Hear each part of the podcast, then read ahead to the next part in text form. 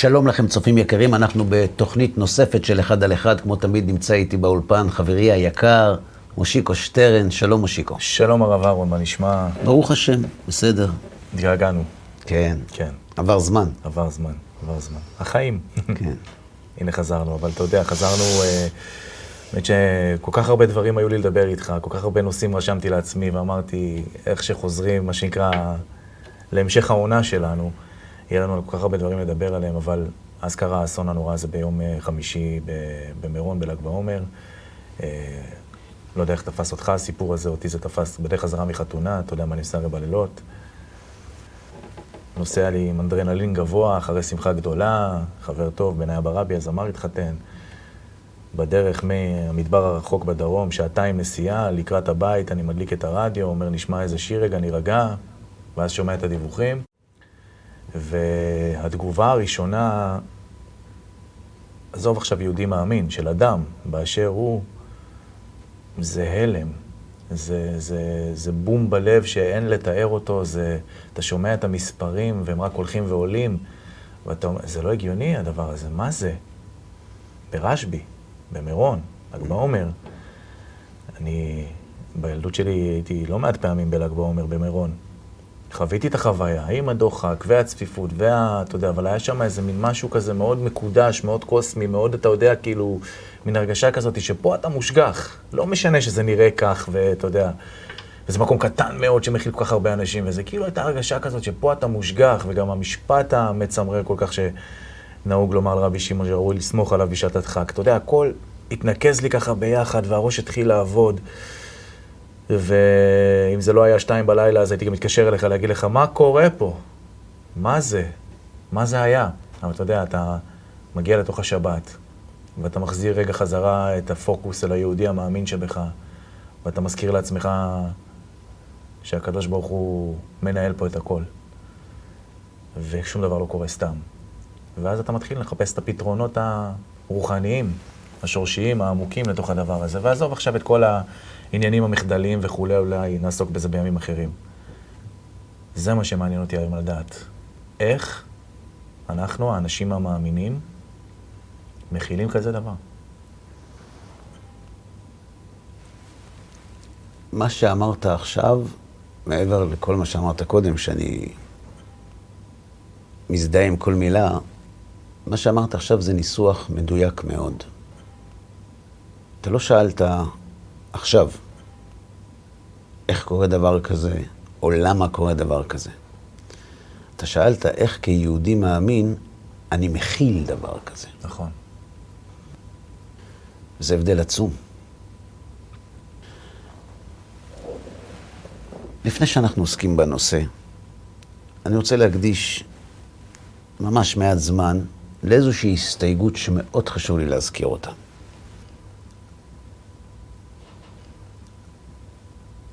אני השתתפתי בלוויה של אברך צעיר, אחד מהקדושים, החללים, ש... שנפטרו שם. זה היה קשה מאוד. ואני שואל את עצמי, האבלים האלה שואלים שאלות? משפחות, אתה מתכוון? כן. הם לא שואלים.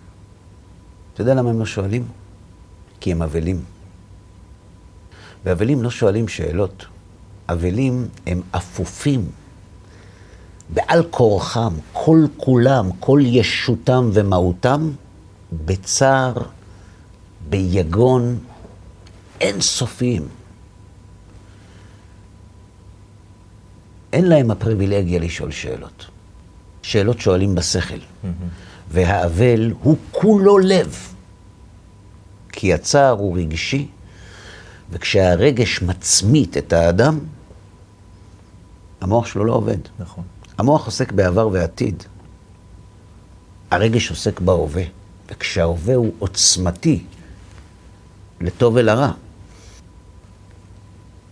הוא מנתק לגמרי את האדם מן השכל. נכון. ולכן האבלים, אין להם פנאי לשאול שאלות, כי הם עסוקים בצער שלהם. ואם אנחנו שואלים שאלות, שהן נכונות. שלא תבין אותי לא נכון. הן נכונות, מאוד נכונות, הן גם קשות מאוד. אבל אם אנחנו עכשיו שואלים שאלות, זה אומר שהאבל שלהם לא זלג אלינו. שאנחנו לא מרגישים אותם. שאנחנו צופים מהצד ושואלים. כאילו העין הביקורתית. לאו דווקא, כן, לאו דווקא ביקורתית, הסקרנית, האמונית, מה שתרצה לקרוא, שואלים, יש, יש, כבוד הרב, יש לי שאלה. כן. אתה אומר, כאילו, אנחנו צופים בסרט שהוא לא אנחנו, ואנחנו ככה יכולים להרשות לעצמנו. נכון. וזה יכול להעיד, במקרים מסוימים, על סוג של קהות חושים. על סוג של אטימות לליבו של הזולת, לצערו של הזולת. ולכן, למרות שהיהדות מעודדת אותנו לשאול שאלות, כשיש שאלות, צריך להיזהר מאוד שהשאלה הנכונה תישאל בזמן הנכון. Mm-hmm. כי אם היא לא נשאלת בזמן הנכון, היא כבר לא נכונה. גם אם התוכן שלה נכון. ויש לי לזה ראייה מכמה מקומות. אוקיי. Okay.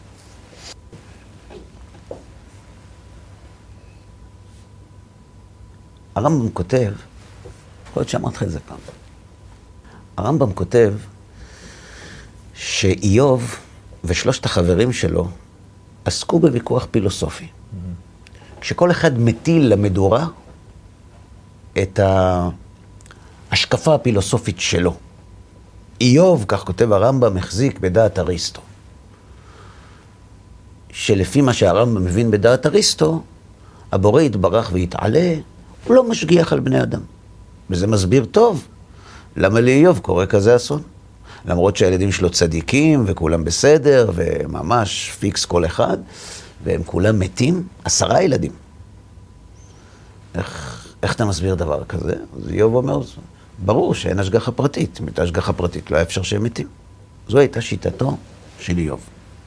שלושת החברים של איוב, בלדד השוחי, צפר הנעמתי ואליפז התימני, כל אחד, לפי דעת הרמב"ם, בחלק ג' במורה נבוכים, כל אחד מהם החזיק בשיטה אחרת של המותקלה מן המוסלמים. וזה לא משנה כרגע מה הייתה דעתם של שני החברים הנוספים, מה שמעניין אותם זה דעתו של אליפז. אוקיי. Okay. הרמב"ם כותב על דעתו של אליפז, שדעתו נוטה לדעת תורתנו. כלומר, אליפז כיוון לאמת של התורה.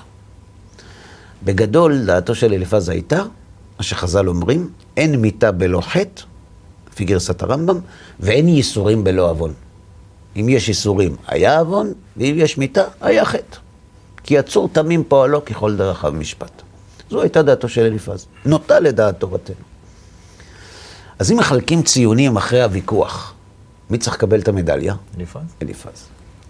בסוף ספר איוב כתוב שהקדוש ברוך הוא, ויהי דבר השם, כך כתוב בפסוק, ויאמר השם אל אליפז התימני, חרה אפי בך ובשני רעיך. כעס עליו. כעס עליו מאוד. למה כעס עליו? כי לא דיברתם אליי, כך כתוב, נכונה כעבדי כאיוב. לא דיברתם כמו איוב, דיברתם לא טוב. למה לא טוב? דעתו נוטה לדעת תורתנו, כותב המלבים. כי איוב דיבר דברי חטא בפיו, אבל בליבו דיבר נכונה. כי ליבו היה שלם עם השם. זאת אומרת, הוא רק בליבו אמר שאין השגחה. אבל למה הוא שאל? כי בתוך תוכו הוא האמין שיש השגחה, ולכן הוא לא מבין למה קורים דברים. והרעים היו להפך, כותב המלבים, שבפיהם התווכחו בעד השם, אבל ליבם לא היה מסכים אל פיהם. הם כאילו עורכי דין, שחס ושלום מייצגים את הקדוש ברוך הוא בדיון. לא שהם חושבים בתוכם שמה שהם אומרים זה נכון. שדיברו דברים שהם מצד עצמם אולי נכונים, אבל לא חשבו כן בליבם. ועיקר הדיבור אל השם הוא דיבור הלב, לא דיבור החיצוני של פה. ובדיבור הזה לא דיברתם אליי נכונה כעבדי כאיוב. אומרת, הטענה, לפי המלבים, רבי מאיר לייב, עליו השלום, הטענה על אליפז וחבריו הייתה, הטקסט היה נכון, כן. אבל לא הכוונה. מאיפה אנחנו יודעים שהם לא דיברו נכונה? שרק בחוץ הם אמרו ובפנים לא. אתה יודע מאיפה? ממתי שהם עשו את זה? בגלל מה שאמרתי לך. איוב סובל, חבר שלך, סובל סבל נורא. סבל איוב. בלתי נתפס, בתזמון, בכמות, באיכות. איך לא תסתכל על הקובייה של איוב? הכי נורא שיש. מה באתם לתת לו דרשות? כשאדם כזה אבל, בוכים איתו, מחבקים אותו. יש לך זמן לעסוק בפילוסופיה? בשאלות? כשאנשים אבלים מצויים בכזה יגון, אתה מסוגל לשאול שאלות? המוח שלך עובד, כלומר הלב שלך לא מצטער. ואם הלב שלך לא מצטער, אז גם אם אתה אומר בפה דברים נכונים, הלב שלך לא נמצא שם. כלומר, מהסיפור של איוב, אנחנו לומדים שגם אם יש לך תשובה, זה לא פשוט שיגידו על בן אדם שדעתו נוטה לדעת תורתנו, זה, זה דבר גדול. ממש אחד לאחד. לא אמרת את זה בזמן. עכשיו זה לא הזמן. עכשיו זה זמן אחר. הרבי שלי אמר לי פעם, כשכואב לא שואלים שאלות, בוכים. אתה שואל שאלות, סימן שאתה לא בוכה. עכשיו, צריך לשאול, האם אתה צריך לבכות, האם אתה לא צריך לבכות, האם זה אסון שלך, זה לא אסון שלך. אז דבר אחד ברור, אם אתה שואל, אתה לא בוכה. כי מי שבוכה לא שואל שאלות. מקור נוסף. חז"ל כותבים במסכת יומא, למה נחרב בית ראשון? בגלל עבודה זרה, גילוי ראש. אומרת הגמרא, אבל בית שני, על מה חרב? שנאת חינם. אה? על מה חרב? אז הגמרא עונה, הגמרא עונה, לשנאת חינם. זאת אומרת, שבגלל שנאת חינם חרב בית המקדש. כמה זמן עבר מחורבן בית המקדש עד שחז"ל שואלים את השאלה הזאת ועונים את התשובה הזאת? כמה זמן? בוא נחשוב. חורבן בית המקדש היה ב-68 לספירה, 70 לספירה.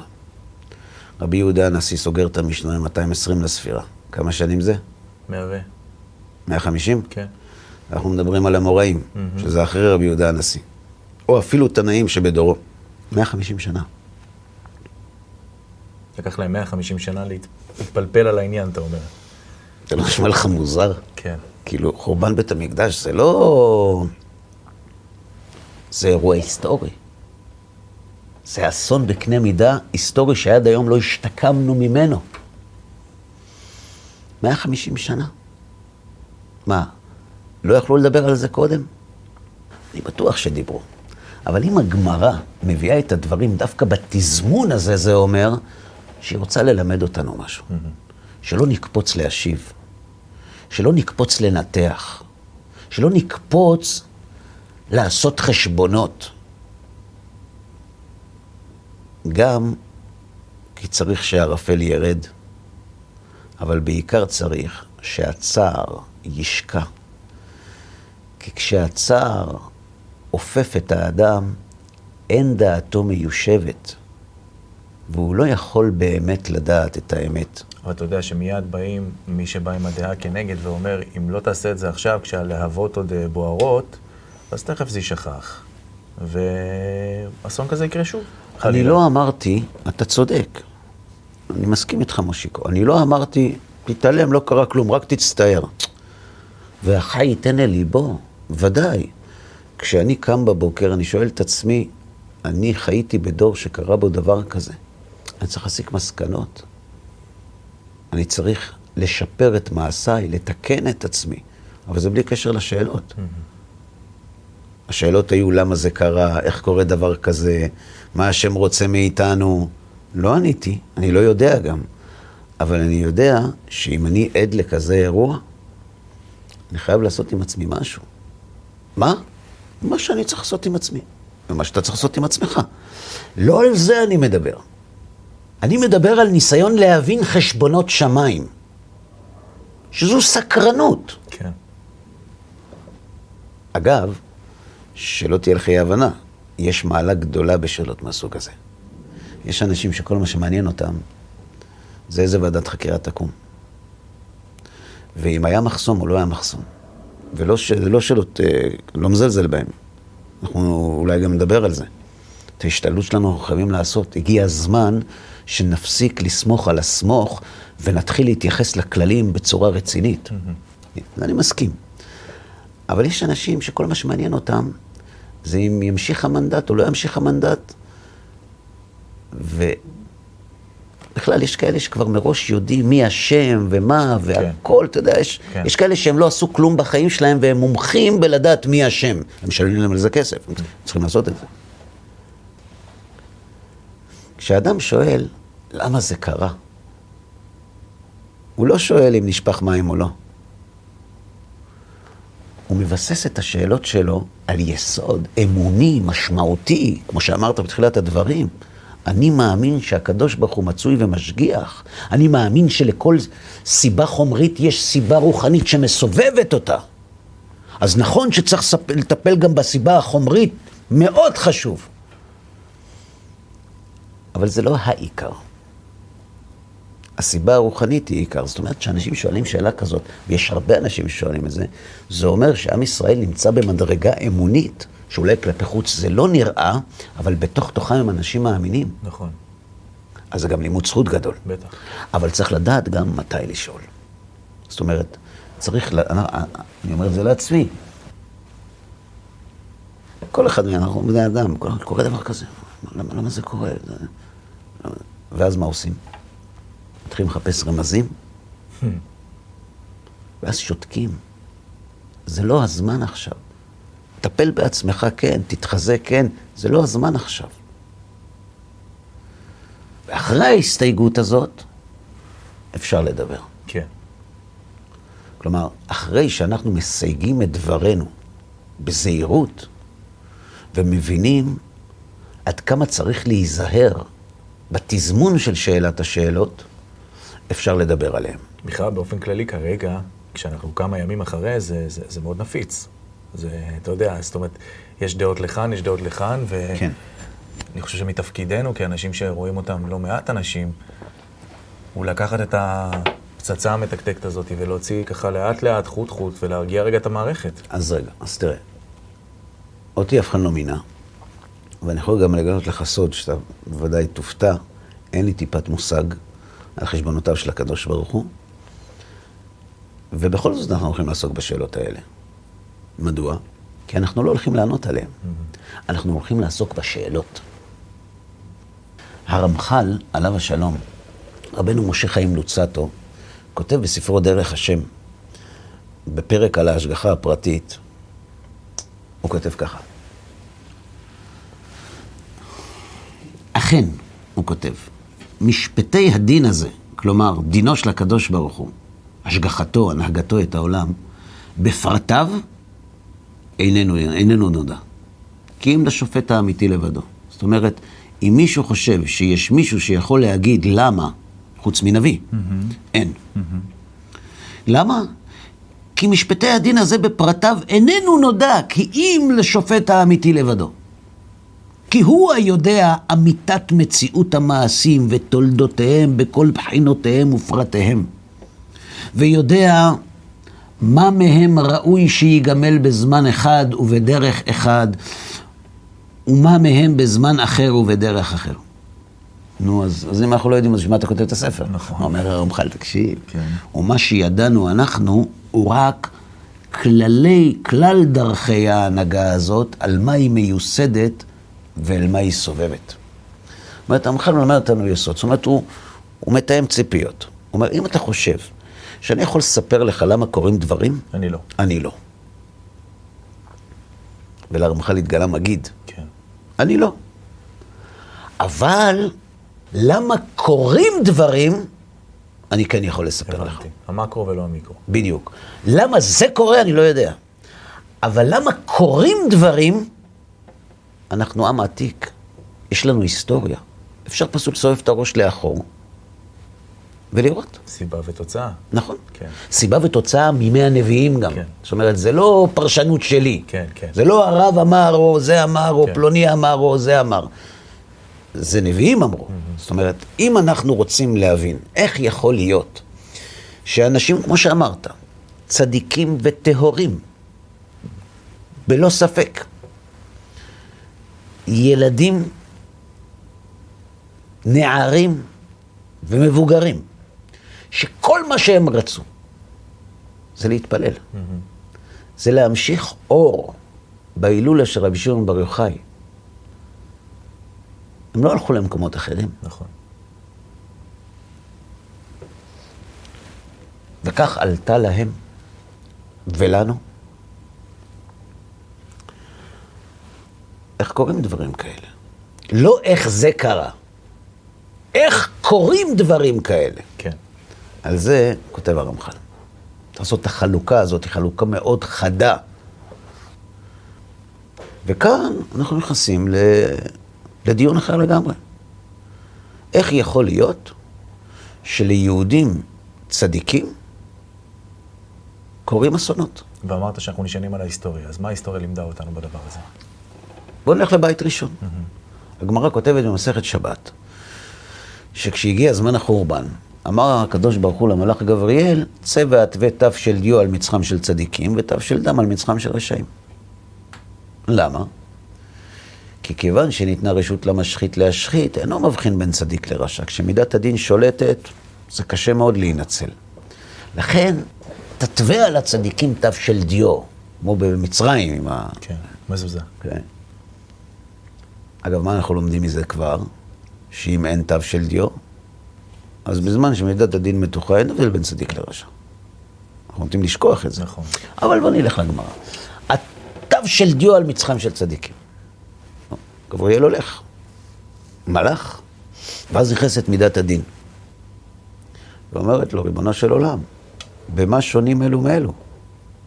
למה אותם אתה מציל ואותם לא? אני לא מבין. צא והתווה תו של דיו על מצחם של צדיקים. מי אומר שהם צדיקים? הקדוש ברוך הוא. חוקר לב ובוחן כליות. אז מה את שואלת מה שונים אלו מאלו? אומר לה הקדוש ברוך הוא, הללו צדיקים גמורים, והללו רשעים גמורים. תשובה. אומרת לו מידת הדין, ולמה הצדיקים הגמורים לא מיחו בבני דורם הרשעים הגמורים שישובו בתשובה? טענה חזקה. הם צדיקים, הם קצינים, הם צדיקים גמורים. הם מנהיגים רוחניים. האחריות עליהם. תסמונת ש"ג זה המצאה שלנו, זה לא...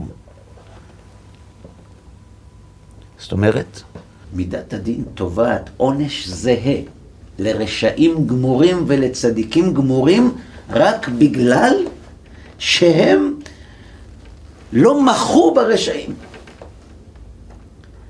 עכשיו, הקדוש ברוך הוא לא אומר לה שהיא לא צודקת. הוא אומר לה, נכון, אבל גלוי וידוע לפניי, שאם היו מוחים בהם, לא היו מקבלים מהם. אני יודע, מה הולך לקרות? כן, אני אומר לה, זה לא היה עוזר. זאת אומרת, הקדוש ברוך הוא לא אומר שהטיעון לא נכון, הוא פשוט, זה, זה לא היה עובד. אומרת לו מידת הדין, לפניך גלוי. לפניהם, מי גלוי? הם הרי לא מיחו. נכון. והם לא ריבונו של עולם, חס ושלום, הם, הם בני אדם. הם היו בטוחים שלא יקשיבו להם? לא. אז זה ריבונו של עולם שאתה יודע שהם לא יקשיבו להם, זה, זה לא קשור אליהם, הם היו צריכים לעשות את זה. כתוב בפסוק, זה דברים נוראים, כתוב בפסוק, וממקדשי תחלו. זאת אומרת, אלה שמתו ראשונים היו הצדיקים הגמורים. אלו צדיקים גמורים שקיימו כל התורה כולה מאלף ועד תו. זאת אומרת, בדיון הזה הקדוש ברוך הוא משתכנע ממידת הדין? כביכול, צריך להבין מה המדרש לא לומדים כפשוטו, אבל מה שאנחנו יכולים להפיק מהמדרש הזה, זה שהערבות תובעת את עלבונה בדין והוא דין קשה. אומרת, למה לא מחית? למה לא מימשת את הערבות? אתה ערב. כתוב בשם רבי מנחם הבבלי, בשלה הקדוש, שאתה ערב פירעון. כלומר, אתה ערב קבלן, אפילו, אפילו לא הולכים ללווה, ישר באים אליך. רצה מזה גובה, רצה מזה גובה. אוקיי, ישר קופצת לי השאלה מה קשור הילד בן התשע. לא יודע, אני לא מדבר על פה. אני מדבר כרגע על מה שכתוב בגמרא. אמרתי לך, צריך לעשות הבחנה. מהגמרא אנחנו לומדים שצדיקים גמורים משלמים מחיר של רשעים גמורים מדין ערבות. זה כבר קרה. כן. אתה יכול לא לאהוב את זה. אתה לא להגיד, אני לא חושב שזה פייר, אני לא חושב שזה צודק. בסדר, אז יש... ת- ת- תיבת תלונות. כן, כן. יכול להיות שיתחשבו בזה, אבל זה לא משנה כרגע מה דעתנו. אנחנו הרי שואלים, מבחינה אמונית, למה זה קורה. אז הגמרא עונה לנו. זו נקודה אחת. אוקיי. נקודה שנייה. כותב האור החיים הקדוש דברים קשים, נוקבים, בפרשת כי תישא. על הפסוק כי תישא את ראש בני ישראל לפקודיהם, ונתנו איש כופר נפשו להשם לפקוד אותם, ולא יהיה בהם נגף בפקוד אותם. זה ייתנו כל העובר על הפקודים, מחצית השקל בשקל הקודש, ומעל השם. מה זה הפסוק הזה? אז פשט אנחנו יודעים, מחצית השקל לפני פורים. תראה, ובדרך רמז התבהר על זה הדרך, כי בה כתוב לגלות נסתרות להשם אשר יעשה בעולמו. בהילקח דבר שכל רואי יטמע. איך אמרת? איך קורה דבר כזה? בהילקח איש צדיק, ישר, קודם זמנו, יחצו ימיו כמשפט המתחייב לאנשי דמים ומרמה. והוא צדיק. ויבהלו רעיוני האדם לחשוב אחד משני דרכים. ואז הבן אדם ייבהל ויחשוב, רגע, אחד משני דברים. או יכחיש בר מינן עושר הצדיקים. אה, אתה רואה? בשביל מה זה? מכיר את ה... טענה ידועה. כן. כי אין טוב בעמל האלוהי. אם בסוף כולם מתים, אז מתים גם פה וגם שם. או יחשוב כי זה האיש, mm, מצפונו אינו כנגלה ממנו. והוא ראה חזקתו לטוב. מה אתה, יש לך טענות על השם יתברך? השם סתם עושה עונש לאנשים? בגלל שהוא לא צדיק. מצפונו אינו כנגלה ממנו. הוא רק נראה לך צדיק, אבל הוא לא. מה מלמד אותנו כאן האור החיים הקדוש? קודם כל שזה יכול לקרות נכון, לכל אחד. נכון. המחשבות האלה. כן. ב', שהאירוע הזה, שאדם צדיק, יחצו ימיו כמשפט המתחייב לאנשי דמים ומרמה, הוא לא דבר חדש. הוא כבר קרה כן. לאורך ההיסטוריה, לא מעט פעמים. איך מתמודדים עם זה? אומר האור החיים, מה קורה לאנשים שמסתכלים על זה? אז או שהם אומרים, לך תדע, מה הוא עושה? כן. אתה יודע, איזה גלגול הוא מתקן, ומצפונו אינו כנגלה ממנו, או יכחישו בר מינן עושר האלוהי. אין שכר חס ושלום. אומר האור החיים הקדוש, לחשוב מחשבות כאלה זו כפיות טובה שאין דוגמתה. למה? אשר על כן אמר השם, כי תישא את ראש בני ישראל פירוש. אם תראה שיסתלק ראש בני ישראל בלא עת, ולא יעלה בקלח כעלות גדיש בקמה. הטעם הוא לפקודיהם. כי לצד חסרון ישראל שנתחייבו, לזה אני נוטל את ראשם באדם לכופר נפשם, שלא ימותו כל ישראל. כי מטעם החיסרון, כי טעם החיסרון הוא לצד עוברם על מצוות השם, ומעתה לא יחשוב אדם רע, לא על המסלק למה, ולא על המסתלק, כי נסתרו בלתי הגון. למה לא הגון? אומר האור החיים הקדוש, רבי חיים בן עטר, לפעמים אדם צדיק מת, לא בגלל שהוא חטא, כדי לכפר על הדור כן. בפטירתו. שמענו את זה. עכשיו, איך זה עובד, כן. צריך להבין, אבל לכפר על הדור בפטירתו.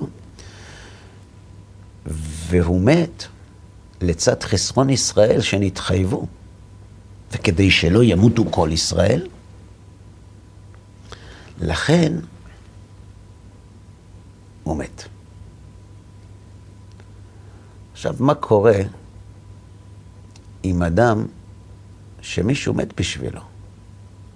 עומד על מיטתו ואומר, איך הוא מת? למה הוא מת?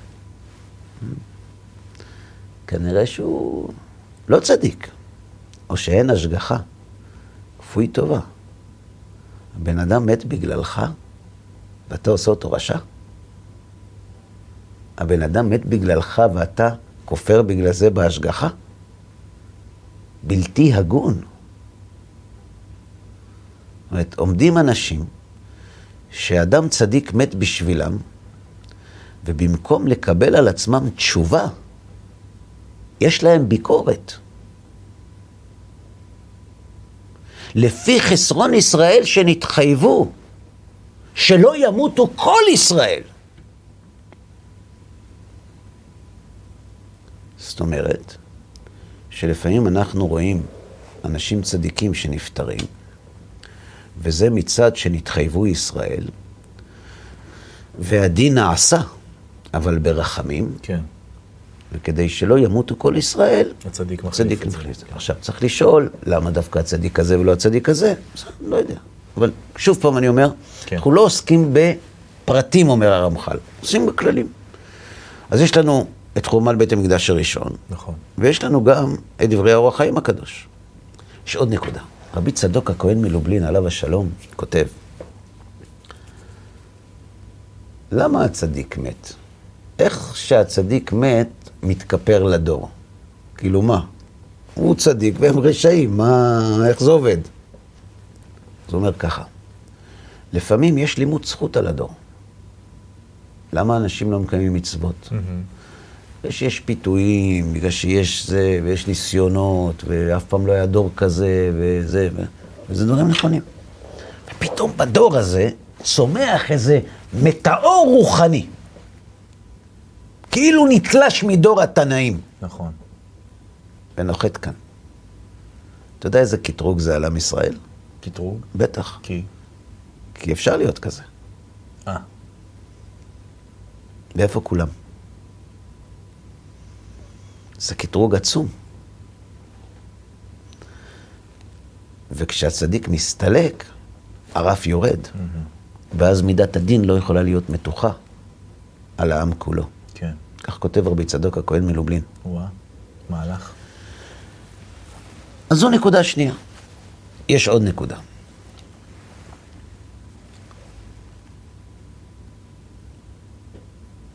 וצריך לומר אותה בזהירות.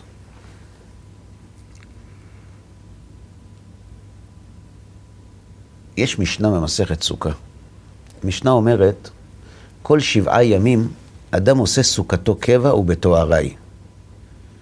ירדו גשמים, ממתי מותר לפנות, לפנות? ושתסרח להמקפא. זאת אומרת, יש כאן הגדרה מתי להיכנס הביתה. משלו משל, אומרת המשנה. למה הדבר דומה?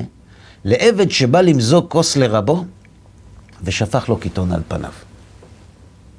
איך אתה מבין את המשל הזה? בניתי בית לקדוש ברוך הוא, עשיתי את המצווה הזאת. לא, של במשל, שמירה. במשל, אה, לא בנמשל. אה, במשל. עבד בא למזוג לרבו, לא, בו, והוא מקבל את הכוס לפנים. מי? העבד.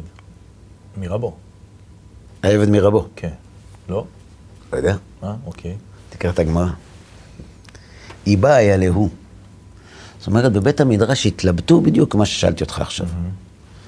מי שפך למי? עבד לרבו? ואחי כאמר, משל לעבד שהיה עושה לרבו עבדות שאינו מקובל על העבד, שאינו עובדו כהוגן, כך בידוע שאין ישראל עובדים אותו כשורה, שפיכת הקיטון מישיבת הסוכה, או דילמה, ושפך לו קיטון, רבו שפך לו קיטון על פניו. זאת אומרת, מי שפך למי? יש שתי אפשרויות להבין את זה. אחד, זה שהעבד בא לתת לרבו כוס, הרב שפך לו את זה לפנים. אפשרות שנייה, זה שהאדון מבקש מעבדו כוס, אומר לו, קח. זה גמרא. הגמרא מתארת פה שני מצבים של מערכת היחסים בין האדם לקדוש ברוך הוא. מערכת אחת זה, זו, שהאדם עובד את השם, השם אומר לו, אני לא רוצה שתעבוד אותי. והשנייה זה, שחס ושלום, האדם עובד את השם בכזה טורח. כך. עד מתי אתה מכלה ממונם של ישראל? אמרה אותה אישה למזבח. על מה מדובר כאן? על מה, מה הגמרא מדברת? על איזו, איזו צורה? אז בוא תסתכל. אנחנו יודעים שבזמן שהוקם המשכן, שני בניו של אהרון מתו, נכון? נכון. כתוב בפסוק שמשה אומר לאהרון, הוא אשר דיבר השם לאמור, בקרובי יקדש ועל פני כל העם אכבד, וידום אהרון. מה אמר משה לאהרון שאהרון שתק? הרי אהרון אבל על הילדים שלו. כן. מה הוא עונה לו? ועל פני כל העם אכבד, אומר רש"י, כשהקדוש ברוך הוא עושה דין בצדיקים, מתיירא ומתעלה ומתקלס, אם כן באלו, כל שכן ברשעים.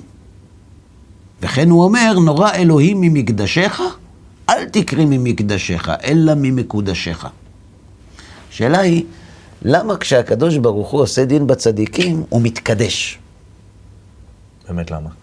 אומר האבן עזרא, רבי אברהם אבן עזרא. כן. הוא אשר דיבר השם, אומר משה לאהרון, כבר אמר לי השם שהוא יראה קדושתו בקרובים אליו. כטעם רק אתכם ידעתי. מה שכתוב בנביא, וכאשר אראה בם קדושתי, אז אהיה נכבד על פני כל העם ויראו ממני. כלומר, הקדוש ברוך הוא הולך להתקדש בקדושיו. ועל ידי שהוא יתקדש בקדושיו, מוראו יתפשט על העם כולו. שאלה, מה זה בדיוק מתקדש בקדושיו, כן, נכון? נכון. קצת לא מובן, כל נכון. המינוחים ולמה- האלה. ולמה להרוג אותם? ולמה להרוג אותם? כן. כתוב בפסוק, בפרשת אמור, ושמרתם מצוותיי ועשיתם אותם אני השם, ולא תחללו את שם קודשי, ונקדשתי בתוך בני ישראל, אני השם מקדשכם. הקדוש ברוך הוא מצווה אותנו לא לחלל את שמו, כדי שהוא יתקדש בתוך בני ישראל. נכון? זה הפשט. נכון. תראה מה כותב רבנו בחיי. ולא תחללו את שם קודשי ונקדשתי בתוך בני ישראל, חילול השם הוא עוון חמור ביותר. ומצינו שוויתר הקדוש ברוך הוא על עבודה זרה, ולא ויתר על חילול השם. והוא שאמר הנביא, ואתם בית ישראל, איש את גילוליו לכו עבדו, ואת שם קודשי לא תחללו עוד. ואמרו רבותינו זיכרונם לברכה על עוון זה, שאין כוח ביום הכיפורים לכפר, ולא בתשובה לתלות, ולא בייסורים למרק, אלא כולן תולין ומיתה מכפרת. ואומנם מצינו תקנה לעוון חילול השם, שיקדש את השם הנכבד כנגד מה שחילל, ולכך שמח לו ונקדשתי בתוך בני ישראל. כלומר, הדרך לתקן את חילול השם זה קידוש השם. ומשה אומר לאהרון שקידוש השם זה שהקדוש ברוך הוא עושה דין בצדיקים, ואז כולם לומדים מזה שאין משוא פנים לפניו, ואם בקדושיו לא יאמין, כלומר, אם הוא מדקדק עם צדיקים כחוט השערה, איפה הם בתמונה? זאת אומרת, הוא עושה מפגן ראווה? לא. דוגמה? מה? מה? לא, לא. מה?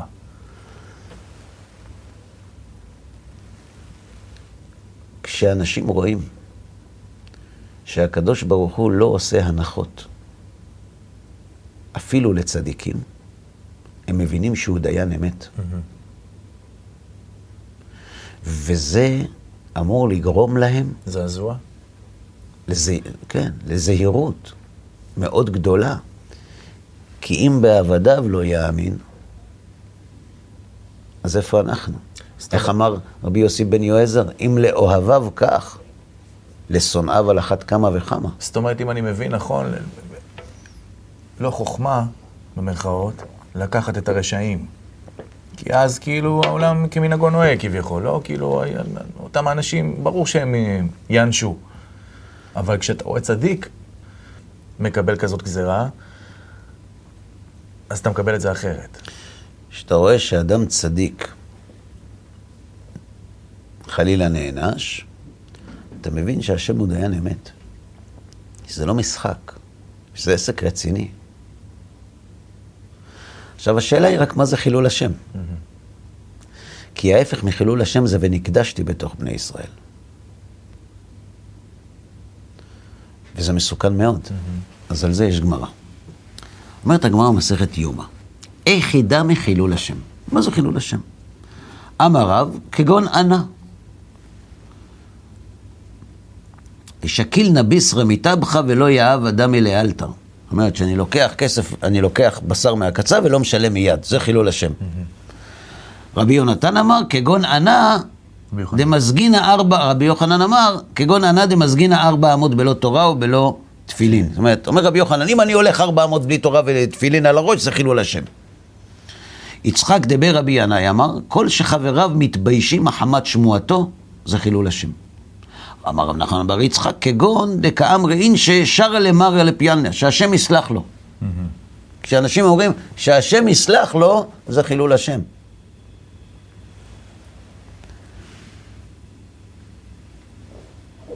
אביי אמר, כתוב בפסוק, ואהבת את השם אלוהיך, שיהיה שם שמיים מתאהב על ידך,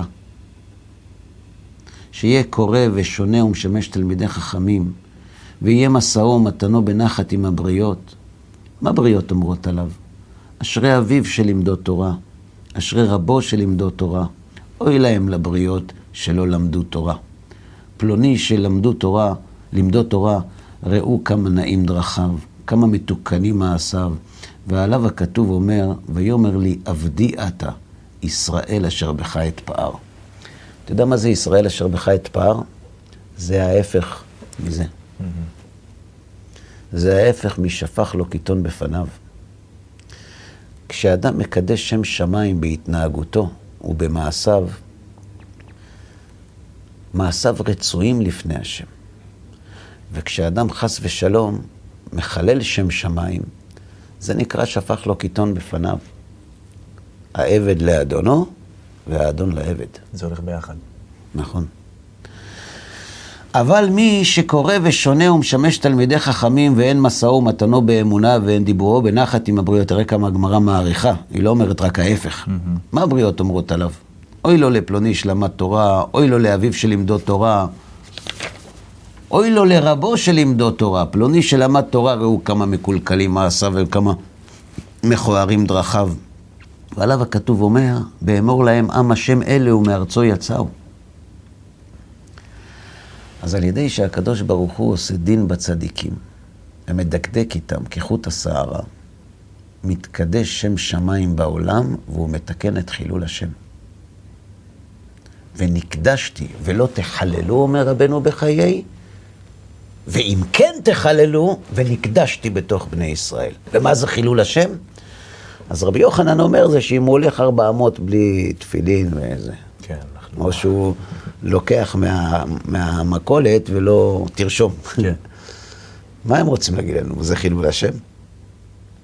חילול השם זה שאדם לא מתנהג כפי שמצפים ממנו להתנהג. אדם שיש לו השם בחיים. מי שמייצג את הקדוש ברוך הוא בעולם, בין אם הוא רוצה בזה ובין אם לא, בין אם הוא יהודי דתי ובין אם לא, בעיני הגוי, יהודים מתל אביב וממאה שערים מייצגים את השם בעולם בדיוק אותו דבר. נכון. אם אתה מייצג את השם בעולם, אנשים מצפים ממך נכון. להתנהגות מסוימת. מכיר את המשפט הזה? תוריד את הכיפה. משפט הכביש הידוע. כן. יש לי חבר שנסע לטיול בבוליביה, לפני הרבה שנים, אולי 40 שנה. סיפר לי שהם הגיעו לאיזה כפר נידח שם, והם הגיעו ואמרו שהם מישראל, אז שאלו אותם, אתם יהודים? כן, הביאו את כל הכפר. אמרו להם, מה, מה קרה? כן. אתם עם התנ"ך. אתם העם הנבחר. אנחנו רוצים לראות אתכם. הם לא ידעו על מה הם מדברים. איך הוא מספר לי? לא, לא, לא הבנו, העם הנבחר מה? ומארצו יצאו, עם השם אלה ומארצו יצאו. זה חילול השם. עכשיו, חילול השם זה אינדיבידואלי. זה יחסי למעמדו ולמה שהוא מייצג. מי שמייצג את השם בעולם, חייב להתנהל בהתאם למעמד שהוא מייצג, כן. למה שהוא מייצג. ואם הוא לא מתנהג ככה, זה נקרא חילול השם. אז אצל רבי יוחנן, זה היה ללכת 400 בלי תפילין, כי ממנו מצפים כל היום להיות עם תפילין. או מאביי זה שהוא הולך ולא נותן... אה, לא משלם בזמן. לא משלם בזמן. כן. זה חילול השם. זאת אומרת, אנחנו רואים שעל עוון חילול השם, צדיקים נענשים, לא בגלל שהם מחללים שם השם, בגלל שכששם השם מתחלל, הקדוש ברוך הוא עושה דין בצדיקים. זה כתוב במפורש, זה עוד קרה בתקופת משה רבנו. בקרובה יקדש ועל פני כל העם אכבד. ונקדשתי בתוך בני ישראל, ולא תחללו את שם קודשי. יש שאלה עצומה שאנחנו צריכים לשאול. איך אנחנו יכולים לדעת אם אנחנו באמת מתנהגים נכון, כמו שמצפים מאיתנו? נכון. אז יש מדד. המדד מופיע גם כן במסכת יומא. הגמרא מספרת שכשהיו עולים ל... לתרום את הדשן כל בוקר אחרי ה... לקחת את האפר, אז היו רצים שניים, נכון. ומי שהיה מגיע ראשון ל-400, הוא היה לוקח את זה. הבוקר למדתי את זה. למדת את זה הבוקר? כן. אז uh, הגמרא מספרת שם שיום אחד רצו שניים, ואחד uh, מגיע לקו הסיום, ההוא ראה שחברו מקדים אותו, הוציא סכין, דקר אותו. כן. תגיד לי, מושיקו, איפה הוא דקר אותו? בגרסת המשנה זה יותר עדין, זה משהו כן. עם הרגל. זה אחר כך היה. הגמרא שואלת שם, האם היה קודם הרגל, ואחר כך זה, או קודם זה, ואחר כך הרגל. לא משנה. אז שואלת אותך שאלה, איפה הוא דקר אותו? בלב. ב- לא, במיקום על, ה... אה. על, ה... על המפה, איפה זה קרה? בבית המקדש. איפה בית המקדש? ירושלים. איפה, אה, כן, אבל אה, איפה מזבח, בתוך בית, על המזבח. כן. אתה יודע למה קוראים לזה מזבח אדמה? למה? כי המזבח הזה, אסור לחצוב אותו עם ברזל. לא תניף עליו ברזל. אלא? למה? כי ברזל מקצר חיים. אז חז"ל אומרים, הייתה תולעת שמיר, אבל לא עם ברזל. מזבח מביא חיים לעולם. ברזל מקצר חיים. אסור ברזל. והוא הביא סכין על המזבח. עכשיו, על המזבח אין סכינים, נכון? נכון. כבר למדנו. נכון. אז מאיפה הייתה לו סכין? הכין, בעוד יום. זאת אומרת, הוא בדק, רגע, מול מי אני רץ? יש סיכוי שהוא ישיג אותי, שים אצלך סכין שיהיה. אתה יוצא לדרך, דחוף את האקדח. אני שואל אותך שאלה, מושיקו, אדם שרץ לתרום תרומת הדשן, הוא לאן רץ? למועדון? לאן הוא רץ? לעבודת השם. לעבודת השם. איך יכול להיות שאדם רץ לעבודת השם ויש לו סכין? זה כתוב בהמשך. אז הגמרא כותבת שם שעמד רבי צדוק ובכה, וכולם גאו בבכייה, נתן להם מוסר. ואז בא אביו, אומרת הגמרא, הביאו את אבא שלו, ומצאו לבנו שהוא מפרפר, זאת אומרת, הוא כן. עומד למות. ואז הוא אמר, תוציאו מהר את הכלים, כלי המקדש, ש- שלא ייטמעו, כי, כן. כי יש מת פה עוד מעט. אני שואל אותך שאלה, מושיקו. קודם מתעסק בזה, מתעסק בזה. אז זהו, אז יש פה שאלה גדולה. הבן שלו עומד למות, ומה מעניין אותו? שלא ייטמעו כלי המקדש. אתה רואה בזה מעלה או חיסרון? איך אתה מסתכל על זה? איך שאתה מסתכל, תסתכל איך שאתה רוצה. במקום הרגשי ודאי שהחיסרון, אז הבן שלך. מה? ומהמקום הערכי, גם, גם אתה אומר. כן. בשאלה הזאת דנה הגמרא. הגמרא אומרת, ברור לנו שהדאגה שלו לטהרת כלים יצרה בו רושם רגשי הרבה יותר משמעותי מהמוות של הבן שלו. אז הגמרא שואלת שאלה, האם בדור שלו היחס לחיי אדם היה ברמה הראויה, ורק הרגישות לטהרת כלים הייתה יותר גבוהה, שזה חיובי, או שהדאגה לטהרת כלים הייתה במקומה. אז למה הוא כל כך נלחץ על הכלים שלא ייטמעו? כי לא היה ערך לחיי אדם באותו דור. שפיכות דמים הוא דזול, וטהרת כלים כדקיימא קיימא, או הפוך? זו שאלת הגמרא. עונה הגמרא, שפיכות דמים הוא דזול. לא היה ערך לחיי אדם. וואו, איזה כואב. אז כיוון שלא ערך לחיי אדם, הבן שלו מת, הבן שלו העיקר הכלים ש... מאיפה הגמרא מביאה ראייה? מביאה פסוק. וגם דם נקי שפך מנשה. הרבה מאוד, עד אשר מילא את ירושלים מפה אל פה. זאת אומרת, מנשה הציף את ירושלים בדם. רגע, מושיקו, מתי מנשה חי? בית ראשון או בית שני? שני. לא, מנשה. בית ראשון. כן. הסיפור של הגמרא מתי קרה? שני? אז מה זה קשור? זה היה מזמן. חז"ל רוצים ללמד אותנו משהו. בוא תסתכל. תני שמעון בן עזאי אומר, מצאתי מגילת יוחסין בירושלים, וכתוב בה, מנשה הרג את ישעיה. בסדר? כן. אמר רבא, סתם הרג אותו, הרג אותו בבית הדין. מידן דייני. מה, מה, מה הוא אמר לו? איך, מה קרה? הוא תבע אותו לדין. כן. מנשה את סבא שלו, ישעיה. שהיה היה סבא שלו. למה הוא תבע אותו לדין? כי הוא אמר שישעיה כופר.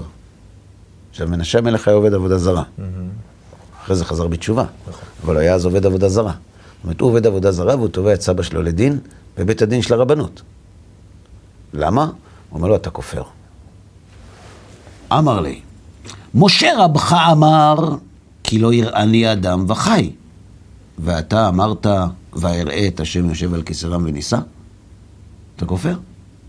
משה רבך אמר, מי כהשם אלוהינו בכל קוראינו אליו. ואתה אמרת, דירשו השם בהימצאו, קראו בהיותו קרוב. משה רבך אמר, את מספר ימיך המלא. ואתה אמרת, והוספתי על ימיך 15 שנה. מה רצה מנשה מישעיה? הוא רצה להרוג אותו. כן. תירוצים, לא? כן, אבל איך הוא, איך הוא התגלגל עליו? הוא אמר לו, אתה כופר. כן. זאת אומרת, מנשה המלך, שעבד עבודה זרה, תבע את סבו הנביא לבית הדין, הצדיק. כדי, כן, כדי להרוג אותו, בשם התורה. בשם התורה. עם תירוצים מתוך התורה. כן. אומרים חז"ל, כהן שהורג את חברו בשם התורה, צריך להבין מאיפה זה בא. זה בא ממה שקרה בדורו של מנשה. בדורו של מנשה נתמלא ירושלים דם בשם התורה על ידי מי שלא קיים את התורה. זאת אומרת, חז"ל מלמדים אותנו כאן שחילול השם לפעמים זה כשאדם בשם התורה עושה דברים שסותרים לגמרי את התורה, שהם ההפך מן התורה. והחילול השם הגדול זה שהוא עושה את זה בשם התורה. וזה חילול השם. ועל זה, ונקדשתי בתוך בני ישראל כתוב. איך יכול להיות שאתה בבית המקדש, על המזבח, הורג את החבר שלך בשם התורה? איך, איך מגיעים לדבר כזה? מטורף. על כך עונה הנציב מוולוז'ין, רבנו נפתלי צבי יהודה ברלין, בהקדמה לספר בראשית. אוקיי. כתוב בפסוק, עצור תמים פועלו ככל דרכיו משפט. אל אמונה ואין עוול, צדיק וישר הוא. שואל הנציב, למה צריך להגיד שהקדוש ברוך הוא ישר? מישהו חושב שלא? ודאי שהוא ישר. תבוא תקופה שאנשים יעמדו וישאלו איך זה קורה, למה זה קורה, למה דווקא פה, למה דווקא הם. ותהיה להם שאלה על הנהגת השם. אתה יודע למה כתוב צדיק וישר הוא? כי יבוא דור שיתבונן על האירועים וישאל, האומנם צדיק וישר הוא? ועל זה כתוב צדיק וישר הוא. כלומר, על שלום מדברים כשיש מלחמה. על צדיק וישר הוא מדברים כשהמציאות לכאורה מראה את ההפך. כן. על מתי הוא מדבר? הוא לא מדבר על הדור שלנו. אומר הנציב, הישר הוא נאמר להצדיק דין הקדוש ברוך הוא בחורבן בית שני. על הקדוש ברוך הוא עצמו. כן, להגיד הקדוש ברוך הוא צודק על מה שקרה בבית שני. מה קרה בבית שני? חורבן? החורבן. כן. שהיה דור עיקש ופתלתול, ופירשנו שהיו צדיקים וחסידים ועמלי תורה, אך לא היו ישרים בהליכות עולמים. לא תוכו כברו. הם לא היו בני אדם. הם היו צדיקים, ובין אדם למקום. הם עמלו בתורה, אבל בהליכות עולמים, אומר הנציב, הם לא היו ישרים. ועל כן, מפני שנאת חינם שבליבם זה את זה, חשדו את מי שראו שנוהג שלא כדעתם ביראת השם, שהוא צדוקי ואפיקורס. כלומר, בגלל המידות שהיו בהם, כן. הם השתמשו בעבודת השם שלהם כדי לפסול אחרים. כל מי שלא נוהג כדעתם ביראת השם שהוא צדוקי ואפיקורס, ובאו על ידי זה לידי שפיכות דמים בדרך הפלגה. זאת אומרת, כביכול לידי שפיכות דמים. אבל הייתה שנאה גדולה. בין מי? בין עובדי השם. שאחד קרא לשני צדוקי ואפיקורס, כי הוא לא סובר כדעתו בעבודת השם. וואו. עד שחרב הבית. ועל זה היה צידוק הדין. אל תתבלבל. זה נכון שהם למדו תורה.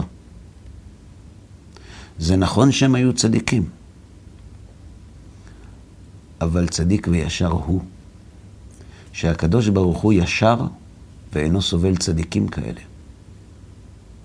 אלא באופן שהולכים בדרך הישר גם בהליכות עולם, ולא בעקמימות, אף על גב, שהוא לשם שמיים. זאת אומרת, אדם יכול לחשוב שהוא עושה קידוש השם, והוא עושה חילול השם. וזה החילול השם הגדול ביותר, כי כשאדם, הוא, הוא לא שומר את מצוות התורה, זה חילול השם. זה חילול השם. כי זה מראה כאילו האדם לא מקבל את מלכות השם. אבל כשאדם לשם שמיים מחלל שם שמיים, זה חילול השם יותר גדול. וזה מה שהיה בתקופת מנשה, וזה מה שהיה בתקופת בית שני. ועל זה נאמר צדיק וישר הוא. ואגב, גם אז היו אירועים כאלה שהם קריאות אזהרה, שהם כאילו, הקדוש ברוך הוא נותן איזה, מה שדיברנו עליו בהתחלה, נותן איזה כיוון לעם להתעורר, להבין. היה נביאים, מה הנביאים? היה נביאים. מכאן אפשר להבין שלמה נחרב בית שני? בגלל שאנשים שומרי מצוות לא נהגו כבוד זה בזה. שאנשים לא שומרי מצוות לא נהגו כבוד זה בזה. אלה ששומרים מצוות לא נהגו כמובן. כי זה חילול השם יותר גדול. כן. וזה מחייב אותנו. עכשיו, אני לא יודע, אמרתי לך, אני לא יודע חשבונות. מאיפה אני שאני יודע? אני מתבייש אפילו להגיד שאני לא יודע, כאילו מישהו עכשיו שאני כן יודע. אבל הרמח"ל מלמד אותנו שיש שלושה דברים שגם צדיקים מתים בגללם, למרות שהם לא חטאו. הערבות, הקטרוג וכשיש חילול השם. כן. הם לא עשו את החילול השם. אבל כשנעשה בהם דין, ואין אין אדם שיכול לעמוד, מי יצדק לפניך בדין? כשנעשה דין בצדיקים, זה מתקן את החילול השם. עכשיו אני שואל אותך, איך אדם שחילל את השם מסתכל על אדם שמת בגללו כדי לקדש שם שמיים ואומר עליו שהוא לא צדיק? כי אנחנו מייצגים, בין אם נרצה, בין אם לא נרצה, זה לא התנשאות שאנחנו אומרים, אנחנו מייצגים. כן. ככה אנחנו נתפסים בעיני אומות העולם, וככה נתפסים אנשים שומרי מצוות בעיני אנשים אחרים. גם אם לא חיים ככה. חד משמעית. אני מתעצבן הרבה יותר שמישהו חותך אותי בכביש בבני ברק מאשר בתל אביב. כן, אז נכון. אז אני רוצה לתת לך גם דוגמה, ועם זה אני רוצה בעזרת השם לסגור. סיפר לי מנכ"ל הערכים, הרב ואלס, שהיו לו תורמים מארצות הברית, סיפרתי לך את זה כבר פעם, שרצו לתרום לו כסף לפעילות, פעילות של קירוב, אבל הם רצו שהפעילות תהיה בארצות הברית.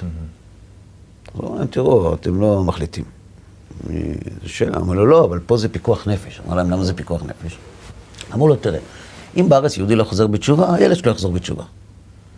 אבל בחו"ל, אם הוא לא יחזור בתשובה, לא בטוח שהילד שלו יישאר יהודי, כן, בוללות. כן? אז הוא אמר, אני אשאל את השאלה הזאת, את הרב אלישיב, זכר צדיק לברכה, הוא הלך לרב אלישיב. אלישיב שמע, ואמר לו, תעשו סמינרים בארץ. אמר לו, הרב, אני בדרך כלל לא שואל אותך פעמיים. נימוקים. כן. אני עושה את מה שאתה אומר לי, אבל מה אני אומר להם? הרי, הרי יש להם טענה. אז הוא אמר לו, נכון. אז אני אסביר לך. זה נכון שאם לא נעשה סמינר בחו"ל, יכול להיות שהילד לא יישאר יהודי. זה באמת פיקוח נפש. אבל אנחנו חיים בארץ ישראל, במדינת ישראל. בין אם נרצה, בין אם לא נרצה, בעיני אומות העולם, מדינת ישראל היום מייצגת את העם היהודי. את עמו של הקדוש ברוך הוא. כלומר, המדינה הזאת מייצגת את הקדוש ברוך הוא בעולם. למרות שלא לא בטוח שכל אלה שחיים בה מעוניינים בזה. אבל כך זה נתפס אצל אומות העולם. לכן, אם יהודי מחלל שבת בלוס אנג'לס או בניו יורק, זה חילול שבת, זה חמור מאוד. אבל אם הוא מחלל אותה בארץ, זה גם חילול שבת וגם חילול השם. עם השם אלה, ומארצו יצאו. ואיפה שיש חילול השם, לא עושים חשבונות גם של פיקוח נפש. תעשו את הסמינר בארץ. אנחנו מייצגים משהו, זה מחייב אותנו. זה מחייב אותנו שלא חס ושלום מישהו ייתפס בגללנו. שתהיה התאמה בין מה שאנחנו מאמינים בו לבין איך שאנחנו נראים. אני לא יודע, כמו שאמרתי לך בהתחלה, אני, אני לא יודע חשבונות, מאיפה שאני יודע, אני, אני לא חזק בחשבון, בכלל אף פעם לא הייתי בשיעורים. אבל גם אם שואלים שאלות, וגם אם הן באות בזמן, וגם אם הן נכונות, צריך לדעת שתשובות נקודתיות, מי יודע אם יש מי שיודע לתת? נכון. נביא יודע לתת. אבל תשובות כלליות על איך אפשר שאנשים צדיקים, חס ושלום, כמו שכותב האור החיים הקדוש, לא יחצו ימיו, חס ושלום, כמשפט אנשי דמים ומרמה, זה כבר קרה. ויש כתובת על הקיר, שכותבת במפורש מהם התרחישים שבהם אפשר שאנשים צדיקים וטהורים ישלמו מחיר עבור אחרים, או מדין ערבות, או מדין כפרה, או כדי למנוע קטרוג, או מצד ונקדשתי בתוך בני ישראל. לכן, מי ששמע את חכמי ישראל, שמע שהם אומרים שמדובר בקורבן ציבור. כי מדובר במשהו שלא קשור לקדושים עצמם. מה מתוך הדברים? אני לא יודע. אבל הדבר היחיד שאנחנו כן יודעים, שלא משנה מה מתוך הדברים נכון, יש לנו מחויבות לתקן. כדי שאנחנו לא נהיה חס ושלום אלה שבעטיים, כן. חס וחלילה, קורים דברים כאלה. ויהי רצון שהדברים שאמרנו יעמדו לזכות ולעילוי נשמת כל הקדושים והטהורים, ולכל החולים והפצועים, אמן. הזקוקים לרפואה שלמה, בתוך שאר כל חולי עמו ישראל. תודה רבה לך, רבה. מושיקו. נקווה לימים שמחים יותר. תודה שבאת לאולפן. תודה רבה גם לכם, צופים יקרים, שהשתתפתם איתנו בעוד תוכנית של אחד על אחד. אנחנו מקווים שהדברים יהיו לתועלת. בעזרת השם, ניפגש בתוכניות הבאות. כל טוב לכם.